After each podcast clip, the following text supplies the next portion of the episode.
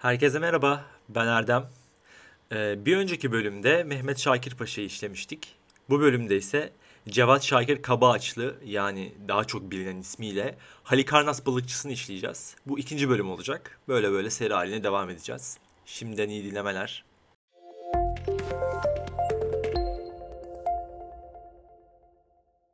Halikarnas balıkçısı yani Cevat Şakir Kabaağaçlı 17 Nisan 1890 yılında Girit'te dünyaya geldi. Ee, babasının görevinden dolayı 1890-1895 yılları arasında Atina Felaorion'da yaşamıştır. İlk öğretimini İstanbul'da Robert Koleji'nde iyi bir dereceyle bitirip İngiltere'de Oxford Üniversitesi'ne gitmiştir. Ee, Oxford'a yakın çağ tarihi okumak için giden Cevat Şakir, ülkesinden uzakta olmasına rağmen Osmanlı İmparatorluğu'nda Balkan Savaşları'nda yaşanan çöküntünün acısını ve yorgunluğunu yaşamıştır. 1914 yılında Almanlarla girilen müttefikle ülkesinin yeni bir savaşın içinde oluşunu ve dünyadan kopuşunu izlerken burada öğrendiği en önemli şey özgürlük ve uygarlık olmuştur. Hayatı boyunca da gerçekleştirdiği eylemlerine yaptıklarını özgür bir ruhuyla yapmıştır. Ülkesinin gelişmesi için ve halkının uygarlaşması yolunda çaba sarf ettiğini gözlemlenmiştir. Çabaları boşa gitmemiş, edebiyat alanında dünyaca tanınan bir isim olmuştur. İyi bir çizer, başarılı bir edebiyatçı, girişimci bir rehber, özverili bir öğretmen olmuştur. Ülkesine yararlı olmak için çalışmıştır. Bir bakıma Hulki Aktunç'un hitap ettiği gibi kendisine bin fenden anlayan kişi anlamına gelen son bin fen demesi hoşuna, boşuna değildir. Siyasi ortamın karışık olduğu ve ekonomik şartların iyi olmadığı 31 Mart vakasının yani 1990 1909 yılında e, yaşandığı dönemde babası tarafından İstanbul'a çağrılan Cevat Şakir bu çağrıya uymayarak İngiltere'den Roma'ya geçmiştir. Yakın çağ tarihi eğitimini yarıda bırakarak Güzel Sanatlar Akademisi'ne kaydını yaptırmıştır. Ailesine yazmış olduğu bir mektupta şöyle söylemiştir. Nihayet mesleğimi buldum. Sanat benim tutkum. İlk kez kendimi mutlu hissediyorum. Roma'da ressamlarla modellik Roma'da ressamlara modellik yapan en iyi adında İtalyan bir kıza aşık olmuş ve onunla evlenmek istemiştir. Fakat bu yıllarda henüz 20'li yaşların başındadır ve işsizdir. Ailesinin bu evliliğe razı ailesini bu evliliğe razı etmek için İstanbul'a gelmiştir. Büyük bir çaba harcayarak ailesini bu evliliğe ikna etmiştir. Roma'da evlenmiş, eşiyle ailesinin yanına İstanbul'a dönmüştür. 1912 yılında Şakirlerin Füraya, Kor Füraya Koral'dan sonraki Cevat Şakir'in de ilk çocuğu olan torunları Motura dünyaya gelmiştir. Ee, Cevat Şakir ve babası arasındaki ilişkilere değinelim biraz. Cevat Şakir anne ve babasının hatta amcası Cevat Paşa'nın kıymetlisi olarak büyümüştür. Doğduktan kısa bir süre sonra İngiliz dadı Miss Tina'nın sert kurallarına göre büyütülmeye başlamıştır. E, ailesiyle görüşme anları öncesinde bir takım kılık kıyafet denetme, saç tarama vesaire düzenlemeler yapıldıktan sonra bu görüşmeler tören havası içinde olmuştur. Annesiyle içinden geldiği gibi sarılmasının bile yasaklanmış olduğu ailedeki bu mesafeli ilişki, Cevat Şakir'in çocukluk acılarının meydana gelmesine zemin hazırlamıştır. Ailesinin görgü ve ahlak ahlak kurallarını yerleştirmek adına çocuklarıyla aralarına koydukları bu acımasız mesafe, çocuğun gelişimi için kritik olan bir döneme denk geldiğinden ileride ebeveyn ve çocuk arasındaki aşılması kolay olmayan engellere sebep olmuş olabilir. Cevat Şakir ve babası Şakir Paşa arasındaki gergin ilişki bu sebeplerden dolayı yıllarca sürmüş gibi gözükmektedir. Aralarında yaşanan bu kötü kazanın aralarında yaşanan bu kötü kazanın da öncesinde bilinçaltına yerleşmiş olumsuz çocukluk anılarının varlığının tezahürü olarak düşünmek olası nedenler arasındadır. Cevat Şakir çocuk, çocukluktan bir resim ve müzik çocukluktan beri resim ve müzikle ilgilenmiştir. Konağın tavan arasını resim atölyesine çevirmiş, gece gündüz resim yaparken ünlü bir orkestra şefi olmayı düşleyip bağıra bağıra şarkı söylemiştir. Yine böyle bir gün Cevat Paşa oğlunun yanına gelerek oğlunun yaptığını eleştirmiş, paranın hayatta her şeyden daha gerçek olduğunu söyleyerek onu kırmıştır. Henüz o yaşlarda çocuk olan Cevat Şakir'e göre ise sevgi dünyadaki her şeyden daha önemli bir şey olmalıdır. Fakat büyüklerin dünyası ona göre çok farklı anlamlar, barın, anlamlar barındırmaktadır. Cevat Şakir Kabaağaçlı ileride içinde baba sevgisinin yokluğunu şefkatle yerleştir, yetiştirdiği bir bitkide belki coşkuyla anlattığı, mitolojik bir öyküde belki de insanları özellikle çocukları çok sevmekle bulmuştur. Cevat Şakir annesinin kardeşlerinden Ayşe ve Hakkiye'nin evde piyano çaldıklarından ve paşa kızlarının piyano çalmayı bilmeleri gerektiğinden bahsetmiştir. Müziğin de kendisi için çok mühim olduğunu, adeta canı olduğunu anlatmıştır. Müziği çok sevmesine rağmen kendisi için evde müzik yasaklanmıştır. Ne garip. Hatta ne gaddarca. Satın aldığı notaları kardeşlerine bir kez olsun piyanoda çaldırmak için adeta yalvardığını bir anısında bahsetmiştir.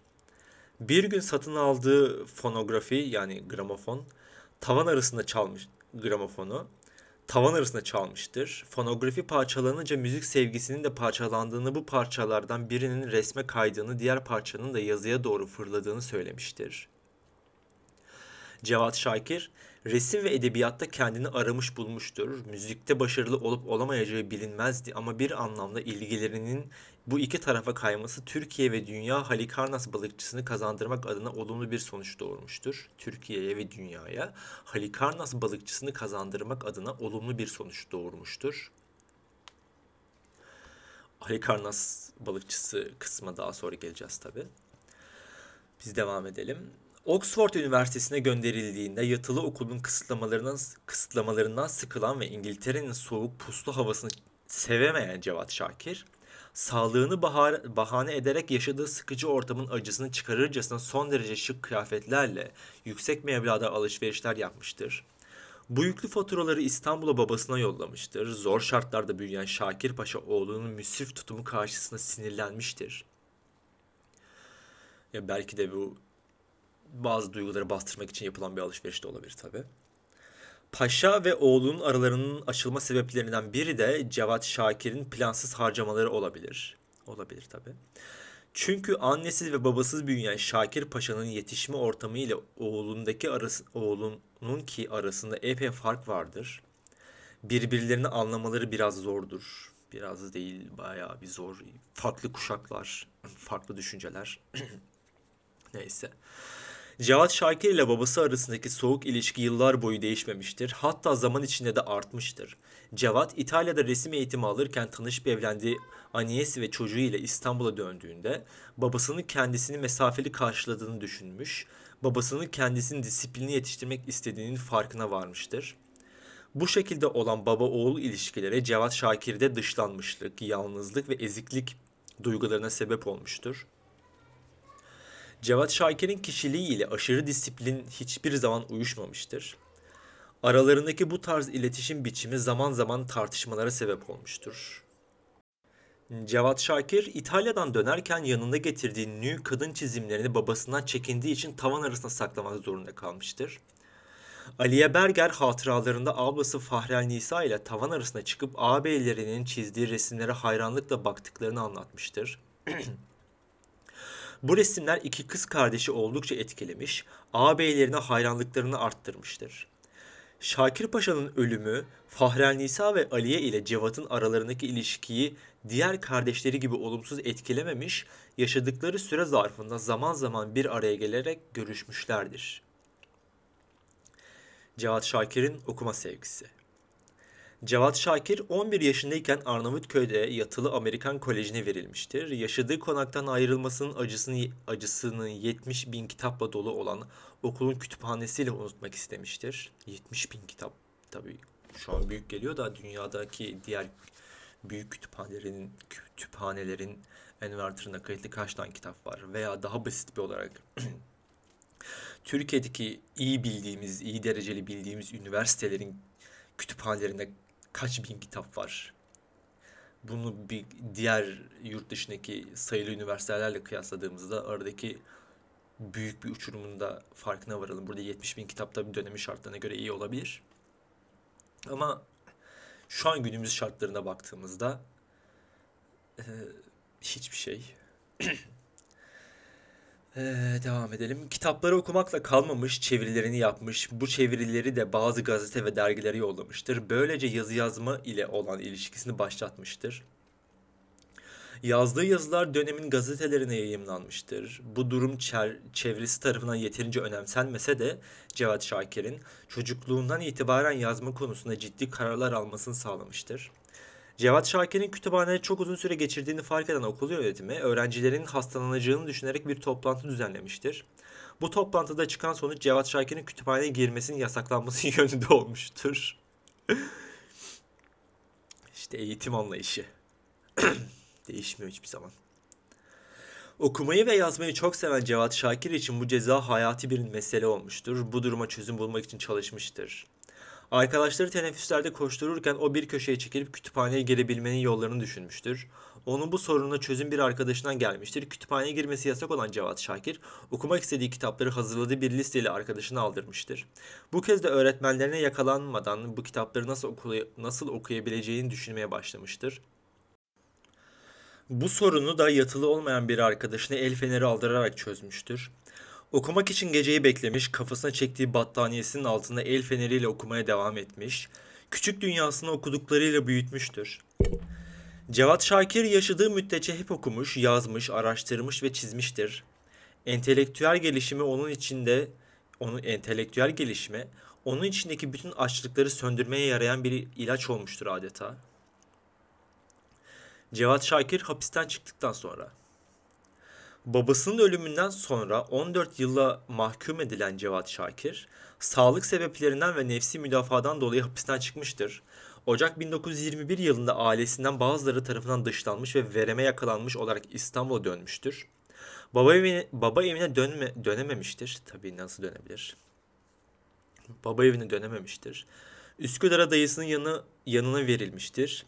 İş aramaya başlamış ve Baba Ali'de iş bulmuştur. Ülk, ülkenin İnönü savaşlarından ve zaferle çıktığı, Kütahya ve Eskişehir savaşlarının kaybedildiği, Mustafa Kemal'in meclis tarafından başkumandan seçildiği dönemler yaşanmaktadır. Ulusal basının ikiye ayrıldığı böyle bir ortamda Cevat Şakir her zaman yurtseven basında çalışmıştır. Halkın da milli mücadeleye destek olanlar ve milli mücadeleye karşı görüşte olanlar diye ikiye ayrıldığı zor dönemlerdir. Cevat Şakir bu dönemde hem gazetecilik yapmış hem İngilizceden Türkçe'ye kitap çevirileri yapmıştır. Bunun yanında siyasi karikatürler çizip arta kalan zamanlarında ise minyatür çalışmıştır. Aynı zamanda Türkiye'de ilk renkli dergi kapağını Cevat Şakir hazırlamıştır. Bu hmm, ortamlarda satılacak bir bilgi olabilir. Buradan da Merve ablaya bir el sallayalım. Cevat Şakir hapisten çıktıktan sonra dayısının kızı Hamidiye, Hamdiye Hanım ile evlenerek ikinci evliliğini yapmış olur. Yazar arkadaşlarından Sedat Simavi, Yahya Kemal ve Peyami Safa ile Peyami Safa ile eşini tanıştırmıştır. Bu evlilikten de Sina isminde bir oğlu olmuştur. Hapisten çıkmış, bir hayat kurmuş ve yeni bir düzen oluşturma gayesi içine girmiştir. Resimli Hafta dergisinin 13 Nisan 1925 tarih ve 35 numaralı yazısında hapishanede idama mahkum olanlar bile bile asılmaya nasıl giderler adlı Hüseyin Kenan lakabıyla yazdığı yazısından dolayı İstiklal Mahkemesi'ne sevk edilmiştir. Rahat durmuyor adam. Takdiri Sükun Kanununca yazıyı yazan kişi olarak dergi sahibi Zekeriya Sertel ile Ankara'ya İstiklal Mahkemesi'ne yargılanmak üzere yola çıkmışlardır. 28 Nisan 1925'te mahkemede dinlenen sanıklardan Zekeriya Sertel Sinop'a, Cevat Şakir Kabaağaçlı ise Bodrum'a sürgün edilmiştir. Yani Cevat Şakir'in Bodrum'a gitmesi babasını öldürmesinden ziyade böyle bir yazı yazdığından dolayıdır. Yani herkes babasını öldürdü, hapse girdi, sonra sürgün hayatı yaşadı ve Bodrum'a gitti diye biliyor ama böyle değil. Yazdığı yazıdan dolayı e, Bodrum'a sürüldü. Sürüldüğü yer Bodrum o zamanlar tabii boş bir yer. Hatta şöyle bir şey var. Bodrum'da e, aileler çocuklarını evlendirirken erkeklere dağ tepelerini, daha çok verimli bir araziyi miras olarak bırakırken kızlarına ise verimsiz, işe yaramayan deniz taraflarındaki arazileri bırakıyorlar. Tabi belli bir zaman sonra kadınlar o arazilere sahip olduklarından dolayı ileride çok daha zengin olarak hayatlarını sürdürüyorlar. O erkekler ise maalesef vizyonsuzluğun örneğini yaşıyorlar bu sayede. Devam edelim. Cevat Şakir sürgüne gönderildiği bu küçük kasabaya deyim yerindeyse kendisini adamıştır. Bütün yaptıklarını kasabanın gelişip güzelleşmesi adına yapmıştır. Cevat Şakir'in İstiklal Mahkemesi'nde yargılanmasına sebep olan hikayesinde savaş sırasında trenle köylerinden geçen Mehmetçikler trenden atlayarak kaçmışlardır. Mehmetçikler yakalanınca asker kaçı olarak sorgusuz sualsiz asılmalarından bahsetmiştir. Mehmetçiklerin asılmasından bahsetmiş yani yazısında. Ailelerini ve sevdiklerini özlemiş askerlerin bu durumundan etkilenen Cevat Şakir'in yazısı politik bir suçlama, suçlama olarak görülmüştür. Cevat Şakir'in ve Bodrum'a değinelim biraz. Cevat Şakir, Bodrum'a 6 aylık bir yolculuktan sonra ulaşmıştır. Bodrum'la buluştuğunda 34 yaşındadır. Bodrum'un yerlileri dışında nüfusun bir bölümü Kurtuluş Savaşı sonrasında mübadele yoluyla buraya yerleştirilen Giritlilerdir. Zamanla Müslümanlaşmış bu Rumların çoğu Türkçeyi çok iyi bilmeyen, düzgün konuşamayan yoksul halktır. Cahillik yoksullukla birleşince bu durumdan en çok çocuklar etkilenmişlerdir. Kasabada ateşli hastalıkla mizatüreden ölen çok fazla çocuk olmuştur. Çevresindeki olaylara kayıtsız kalamayan Cevat Şakir yapılacak çok iş olduğunu düşünmüştür. Kocası Cevat'ın yanına gelen Hamdiye Hanım öğretmen okulu mezunudur ve Bodrum İlkokulu'na öğretmen olarak atanmıştır. Hamdiye Hanım Türkçe bilmeyen halkla iletişim kurmaya başlamakla işe koyulmuştur. Bodrum'a yerleşmesinden kısa bir süre sonra Cevat Şakir ile aralarında sebebi bilinmeyen gerilim başlamıştır. Hamdiye Hanım oğlu Sina'yı da alıp Muğla'ya yerleşmiş. Kısa bir süre sonra da Cevat Şakir ile boşanmışlardır. Yani Muğla dediğim Muğla merkez muhtemelen. Bodrum ile Muğla merkez arasında bayağı bir mesafe var. Şahsen biliyorum. Boşanmanın ardından Cevat Şakir ölene kadar evli kalacağı Hatice Hanım ile evlenmiştir. Bu evlilikten çocukları İsmet, Aliye ve Suat dünyaya gelmiştir. Hatice Hanım 1912'de Yunanistan-Türkiye arasında değiş tokuş sonucu Girit'ten gelip Bodrum'a yerleşen ailelerdendir. Bodrum'da geçirdiği bir buçuk yıldan sonra sürgün cezasının geri kalan kısmını İstanbul'da geçirebileceğini öğrenen Cevat Şakir, bir buçuk yıl İstanbul'da kalmıştır. Sonra çok sevdiği Bodrum'a tekrar kavuşmuştur. 25 yıl kaldığı Bodrum'da Halikarnas balıkçısı takma adıyla yazılar yazmış, kasabanın güzelleşip bitki örtüsünün çeşitlenmesi için büyük çaba sarf, sarf etmiştir. Bütün yaptıkları, bütün bunları yaparken hiçbir kazanç ve karşılık beklemeden özveriyle yapmıştır. Cevat Şakir Bodrum'a ilk gittiğinde burada tek bir ağaç, yeşillik adına hiçbir şey yoktur kendi gereksinimlerinden fedakarlık yaparak tarım kitapları İstanbul'dan yurt dışından tohumlar, fideler alarak ekip ekip diktiklerini yaşatmak için sulamaya çalışmıştır. Civar köylerden eşek sırtında iyi toprak ve gübre taşımış, bahçe işlerinde hem öncülük hem de öğretmenlik yapmıştır. Yani adam deneyerek öğreniyor. Bahçıvanlıkla ilgili tuttuğu notların yazılı olduğu 300 sayfalık defteri köyden köye dolaştırılarak herkesin bu bilgilerden faydalanması sağlanmıştır. Bodrum'u ağaçlarla, begonvillerle ve zakkumlarla donatmak rüyası olmuş ve bu rüya ve bu rüyayı da Greyfurt uzun palmiye, okaliptus ağaçlarıyla gerçekleştirmiştir. Yani ağaçların veya bitkilerin bir de önemi yok. Bodrum çorak arazisi, arazisini yeşillendirmek istemiş adam. E bunu da başarmış tabi. Şu anki Bodrum'a baktığımızda tabi o beton yılların arasında zor görülse de önceden çok daha yeşil, çok daha gözü güzel gelen bir cennet vardı. Bunun eski fotoğraflarda, videolarda görüyoruz. Cevat Şakir yaşadığı çorak yeri güzelleştirmiş, daha yaşanılır bir hale getirmiştir. Bütün bunları yaparken orada yaşayan insanların da daha iyi şartlarda yaşamaları için elinden gelen her şeyi yapmaya çalışmıştır. Bodrum'dan başka bir yerde yaşamayı hiç düşünmemiştir. Cevat Şakir Bodrum Belediye Parkı'nda bahçıvanlık yapmış. Brezilya'dan tropikal çiçekler, begonviller, mimozalar, amberler, palmiyeler, akoliptüsler ve kaktüsler getirterek Bodrum'u bu bitkilerle süslemiştir. Ayrıca getirdiği hurma ve fıstık ağaçlarının fidelerini dikmiş, Washington, Neval, Valencia portakalı yerleştirmiştir. Türkiye'ye greyfurt fidanını ilk kez kendisi getirmiş ve yetiştirmiştir. Bodrum'da artık o bir yazar, bahçıvan, öğretmen ve bir balıkçı olmuştur. Cevat Şakir kısacası Bodrum için pek çok şey olmuştur. Bodrum için yaptıkları bununla kalmayan Cevat Şakir, Muğla'da yapılacak olan Atatürk anıtında kullanılacak pembe mermerleri Bodrum Kalesi'nin yakınlarından çıkartarak Muğla'ya yollamıştır. Cevat Şakir'in yaptıklarına bir de turizm rehberliği eklenmiştir. Efes, Bergama yöredeki kasabalar, antik kalıntılar Cevat Şakir'in çalışma alanlarını oluşturmuştur. Yurt dışından gelen yabancı konukları akıcı İngilizcesi ve Fransızcası ile karşılamıştır. İran Şahı ve Fransa Cumhurbaşkanı Cumhurbaşkanı yabancı misafirlerden bazılarını oluşturmuştur. Adamın misafirleri arasında İran Şahı ve Fransız Cumhurbaşkanı var dönemin tabii İran Şahı ve Cumhurbaşkanı. Sürgüne, sürgüne gönderilmiş birisi için devlet tarafından görevlendirilip yabancı ülkelerden gelen resmi görevlileri gezdirmek çelişki oluştursa da bu işi Cevat Şakir ailesini geçindirmek ve az da olsa daha rahat koşullarda yazı yazabilmek için yapmıştır.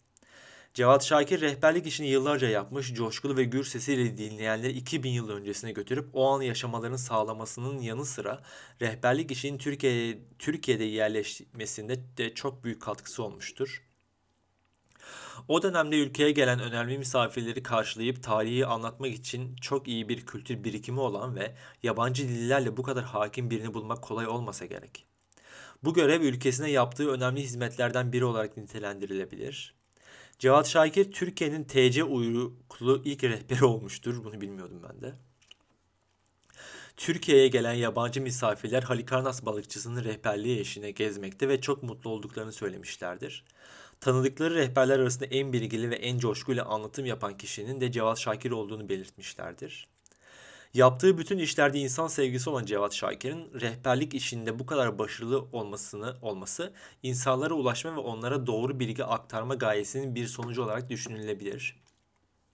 Şirin Devrim 1940'lı yıllarda çocukların eğitimi için İzmir'e giden dayısı Cevat Şakir'i ziyaret etmiştir. Cevat Şakir kemik kanseri olmuştur. 3-4 dili ana dili gibi konuşan, bilgili ve Türkiye'nin ilk resmi rehberi olan dayısının rehberlik mesleğinin en mükemmel örneği olduğundan bahseden Şirin Devrim, dayısı Cevat Şakir'in Efes'i anlatırken adeta kalıntılara hayat verdiğini belirtmiştir. Coşkuyla kalıntıları anlatırken Poseidon, Zeus ya da Yunan mitolojisinden herhangi bir karakterin rolüne bürünüp Yunanca ve Latince tiratlar okuduğunu söylemiştir. Girit'te başlayan Cevat Şakir'in hayatı İzmir'de 1973 yılında son bulmuştur. Cenazesi Bodrum'a götürülüp orada defnedilmiştir. Çok sevdiği Bodrum'a ve denize hiç ayrılmamak üzere kavuşmuş ve arkasına sayısız güzellikler bırakmıştır. Cevat Şakir'in mitoloji ve Anadolu uygarlıklarına bakışı. Cevat Şakir tarihle ilgili ne gördüyse okumayı her zaman sevmiştir. Kendisine göre insanlığın gerçek tarihi tarifsiz olarak kendisine göre insanlığın gerçek tarihi tarafsız olarak henüz yazılmamıştır. Bu düşüncesini her fırsatta yakın dostlarına anlatmaya çalışmıştır. Büyük merakı Homeros'un Anadolu'da doğduğunu ve büyük merakı Homeros'un Anadolu'da doğduğunu bir İyonyalı olarak Anadolu kahramanlığının özünü temsil ettiğini ve Truvalıların da Akhalar kadar İlyada destanının kahramanları olduğunu savunmuştur. Bir diğer kaynakta Batı uygarlığının çıkış noktası olarak kabul edilen Yunanistan'ın aslında Anadolu'nun takipçisi olduğunu yazmıştır. Yalnızca yarım asır öncesine gidilebilen Yunanistan'ın kısa sürede bu uygarlığı nasıl çıkartabildiğini e, sorgulamıştır. Bu sebeple Batı'nın sahip çıktığı Yunan uygarlığının değeri olarak kabul edilen kimi değerlerin Anadolu'ya dayandığını savunmuştur. Cevat Şakir'e göre tarihin kurucusu Herodot Bodrumludur. Coğrafyanın babası kabul edilen Hakeleitos'un kaynağı Milet, Büyük Ozan Homeros'un da İzmirli olduğunu savunmuştur. Anadolu uygarlıklarını anlattığı Düşün Yazıları adlı kitabında Cevat Şakir düşüncelerini şöyle ifade etmiştir. Yunanistan'ı Anadolu kurtardı. Helenik şuuru Yunanistan'a veren Anadolu'dur. Yoksa Yunanistan'ın böyle bir şuuru peyda edeceği yoktur. Anadolu'dan gelme kültürü Yunanistan'ın da ancak bir asır tutulabilirdi. Tutulabilir. Ee, pardon. Anadolu'dan gelme kültürü Yunanistan'da ancak bir asır tutabildiler. Tarih öncesi uygarlıklara Hey Koca Yurt, Anadolu Tanrıları, Anadolu'nun Sesi kitaplarına yer vermiştir. Aynı zamanda bu kitaplar Helen kültürünü ele aldığı eserler arasındadır. Halikarnas balıkçısına göre en soylu, en büyük, en yaratıcı ve uygarlığın göbeği olan uygarlık yurdu Anadolu'dur.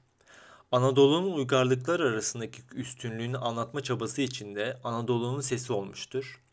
Anadolu'da yetişen uygarlıkları bilmenin kendimizi anlamak olduğunu, doğucu ve doğacı ve gerçek düşüncenin Anadolu toprağına filizlendiğini her zaman savunmuştur.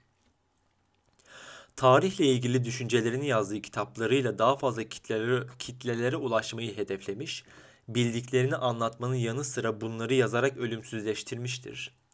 Yazdığı sayısız eserle Türk edebiyatında önemli bir boşluğu doldurmuştur. Karşılaştırmalı mitoloji ve Anadoluculuk hareketini başlatmıştır. Cevat Şakir Kabaağaçlı Türk edebiyatında ilk karşılaştırmalı mitoloji incelemelerini gerçekleştiren öncü kişilerden biridir. Bu alanda onu yönlendiren şey ise yaratıcısı olduğu mavi Anadoluculuk fikridir. Ona göre Osmanlı düşmanları Helenizm ve Helenizm bayrağı altında birleşmişlerdir.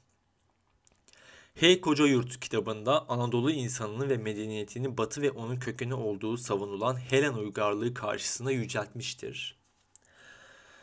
Mavi Yolculuk Cevat Şakir fırsat buldukça denize açılarak Gökova'nın güzelliklerini keşfetmiştir. Bu güzellikleri arkadaşlarına da göstermek istemiştir. Yakın dostu Sabahattin Eyüpoğlu'na bir mektup yazarak sonradan adına Mavi Yolculuk diyecekleri gezi kararını almışlardır.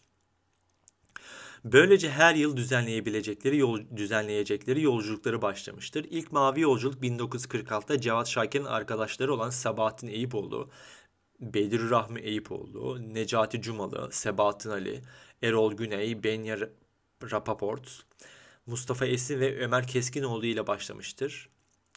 Bu gezi Bodrum'dan Gökova'ya süren 15 günlük bir mavi yolculuk olmuştur.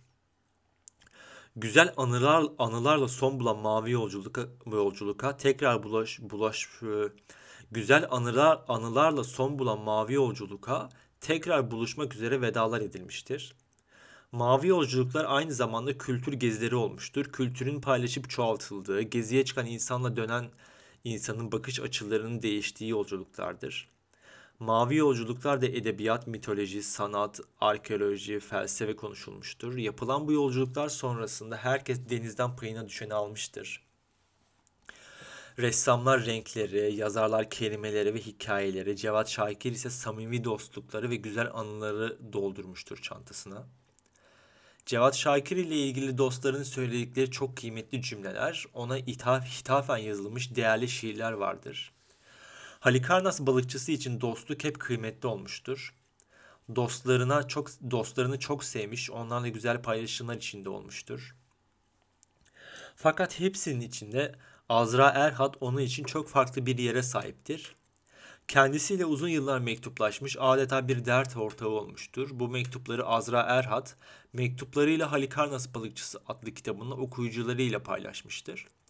Kitap balıkçının ölümünden sonra 1976'da Çağdaş Yayınları tarafından yayımlanmış. Aynı zamanda Azra Erhat için de Cevat Şakir samimi, samimi bir rehber olmuş, yapacağı çalışmalarda kendisini her zaman desteklemiştir. Azra Erhat'ın Cevat Şakir'in ölümünden so ölümünden sonra şöyle Azra Erhat'ın ya da Azra Erhat Cevat Şakir'in ölümünden sonra şöyle söylemiştir. Yalnız benim ve öbür dostları için değil Halikarnas balıkçısı. Bütün dünya için, Türkiye için, Türkiye dışında birçok insanlar, okurlar ve düşünürler için canlıdır. Gitgide daha çok canlanacaktır. Neden? Neden derseniz o bir canlılık kaynağıdır. Hep değişen düşünce ve sanatın çeşitli alanlarına ufuklar ve çığırlar açan bir canlıdır o. Canlılığının kaynağının kaynağı nedir diye sorarsanız onun doğa ve insanla yeni bir ilişki kurmayı başarmış olmasıdır. Cevat Şakir'in çizimleri Halikarnas balıkçısı çizim yapmaya çok küçük yaşlarda eline geçirdiği kalem, tebeşir, kiremit ile evlerinin duvarlarını yazılar yazıp resimler çizerek başlamıştır. Bu durum karşısında annesinin duvarlara resim çizmesini engellemek için aldığı kağıt ve defterler Cevat Şakir'e yeterli gelmemiştir. Babasının evde arkadaşlarına ziyafet verdiği sırada yemek masasının altına gizlenip çizimler yapmıştır. Masada kendisine değen misafirleri zaman zaman korkutmuştur. Çocukken ortaya çıkan bu özel yetenek Cevat Şakir'in Cevat Şakir için ileride çok severek yapacağı resimlerin ortaya çıkması için zemin hazırlamıştır. Çocukluk yıllarında başlayan resim çizme tutkusu ölene kadar yazarlık ile iç içe devam etmiştir. İki alanda da başarılı eser, eserler çıkarmıştır. Yaptıklarıyla Türk sanatının bu Türk sanatına bu alanlarda özel güzel örnekler ver, sunmuştur. Yani çocukluk yıllarında bile Cevat Şakir ile ilgilenmedikleri için muhtemelen onu yalnızlığa sevk etmişler. Yalnızken de Cevat Şakir daha çok yaratıcı olabilmenin yollarını aramış. Bunlardan biri de resim gibi geliyor bana.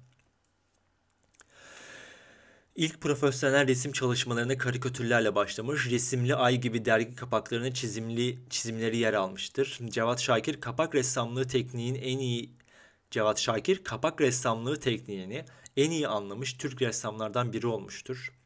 Kapak resmi olarak ün yapan Cevat Şakir yazdığı eserlerin de kendi çizimleriyle süslemiştir.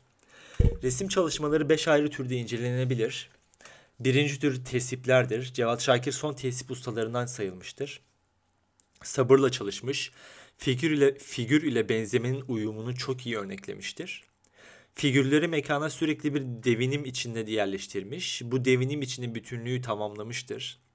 Sıkça kullandığı kadın figürlerine yalnızlık ve tutkunun ikilemini vurgulamıştır. Yaptığı çizimleri ve karikatürleri tabii Instagram'daki ikinci bölümün postuna ekleyeceğim. Yani bu bölümün postuna ekleyeceğim. Oradan görebilirsiniz. İkinci tür çalışmaları dergi kapakları olmuştur. Münih Fehim ve Cevat Şakir dönemin en ünlü iki çizeri olarak anılmışlardır. Ee, aynı zamanda dergi kapağı çizerliği Cevat Şakir'in geçim kaynağı olmuştur. O dönemki çizimler ülkeye yeni yeni girmeye başlayan Alman afişçilerin etkisinde statik görünümünde çizimler olmuştur. Tabii bu çizimleri de etkili, ekleyeceğim e, Instagram'a. Ne kadar post ekleyebiliyorsam ekleyeceğim. Üçüncü tür çizimleri beyaz fon üzerine siyah çini mürekkeple çizip ya da kartonu tamamen siyah çini mürekkebiyle boyayıp sivri bir uç yardımıyla kazıdığı resimler olmuştur. Bu resimler siyahın hakim olduğu ve beyazın ışık etkisinin görüldüğü çizimlerdir. Bu tekniği kendi yazdığı kitaplarındaki çizimlerde kullanmıştır.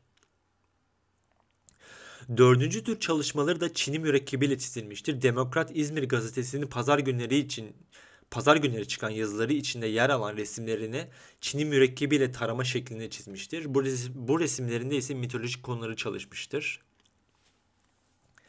Beşinci ve son çalışmalarınız az sayıda olan yağlı boya resimleri oluşturmuştur. Bu eserler sayıları az olmakla beraber Cevat Şakir'in resimdeki gücünü ortaya koyan çalışmaları olmuştur.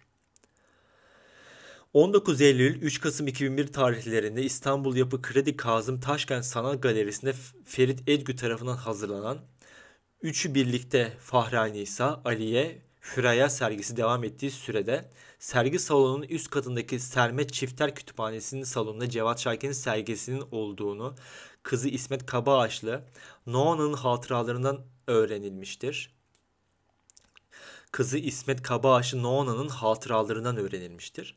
Aynı aileden dört sanatçının aynı anda aynı binada açılmış olan sergileri ender rastlanan bir sanat olayı sebebi olması sebebiyle ayrıcalıklı bir durum olarak nitelendirilebilir. Ee, bu bölümlük bu kadar.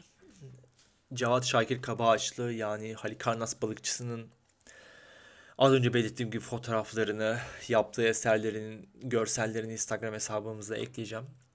Oradan görebilirsiniz. Bir sonraki bölüm Fahri Nisa Zeyd. Ya bu ailenin hepsi enteresan karakterler. Zamanla öğreneceğiz. Adım adım gidiyoruz. Hiç araya hiçbir bölüm sokmayı düşünmüyorum. Farklı bir bölüm girmesini istemiyorum. Ya biri başladığında peşi sıra arkasına gelsin. Daha iyi olur bence.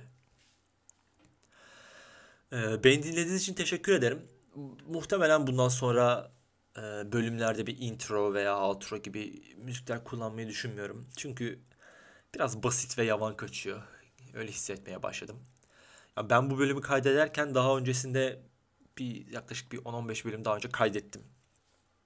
Farklı bölümler tabii ki de. Onlar da var. Onları da çıkartmayacağım. Onlar olduğu gibi e, planlı bir şekilde yayınlanacak. Tabii siz onları muhtemelen dinlemiş olacaksınız bunu dinlediğinize göre dinliyorsanız eğer o bölümleri de dinle, dinlemişsinizdir veya da o bölümleri görmüşsünüzdür zaten. Bu ikinci sezon. Ee, üçüncü sezon gelecek muhtemelen. Dördüncü sezon gelecek yani isteğim o şekilde. Üç ayda bir yapacağım yani pardon. Üç ay e, bölümler devam edecek. Bir ay ara vereceğim. O bir ayda daha fazla bölüm kaydetmeye çalışacağım. Daha fazla araştırarak. Sonra e, böyle peş sıra gidecek. Yani ben şu an hala birinci sezon yayınlanıyor ben bunu kaydederken. Ee, ama ben ikinci, ben ikinci sezonun ilk ayını bitirdim. ikinci aya geçtim. Umarım da her şey güzel olur. Yani dünya üzerine bilgi bitmez araştırdığımız zaman daha neler neler çıkıyor. Aynı zamanda e, bu bölümlerden sonra yine bir seri olarak Mustafa Kemal'in kronolojik hayatı gelecek. Ama ne zaman bu bölümler bitecek? Belki araya başka bölümler de girer. Ondan sonra Mustafa Kemal'in kronolojik hayatı gelecek. Araştırmalarım devam ediyor hala. Araştırıyorum, yazıyorum falan. Ee, şeydeyim, neredeyim tam olarak? Amasya'dayım sanırım. Amasya kongresindeyim.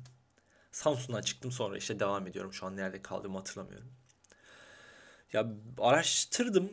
Türkiye'de galiba bunu yapan pek yok ya da varsa da ben keşfetmedim böyle doğumundan önceki zaman kapsayan doğumu adım adım sene sene gidebileceğim gidilebilen bir Mustafa Kemal Atatürk'ün e, kronolojik sırayla hayatı. Ya benim içime siniyor yaparken araştırırken e, geleceğe güzel bir yatırım olarak görüyorum. Bunun da bilgisini ilk kez buradan veriyorum galiba. Beni dinlediğiniz için teşekkür ederim. Ee, bir sonraki bölümde görüşmek üzere. Fahri Nisa Zeyd'i anlatırken tekrar buluşmak üzere. Hoşçakalın.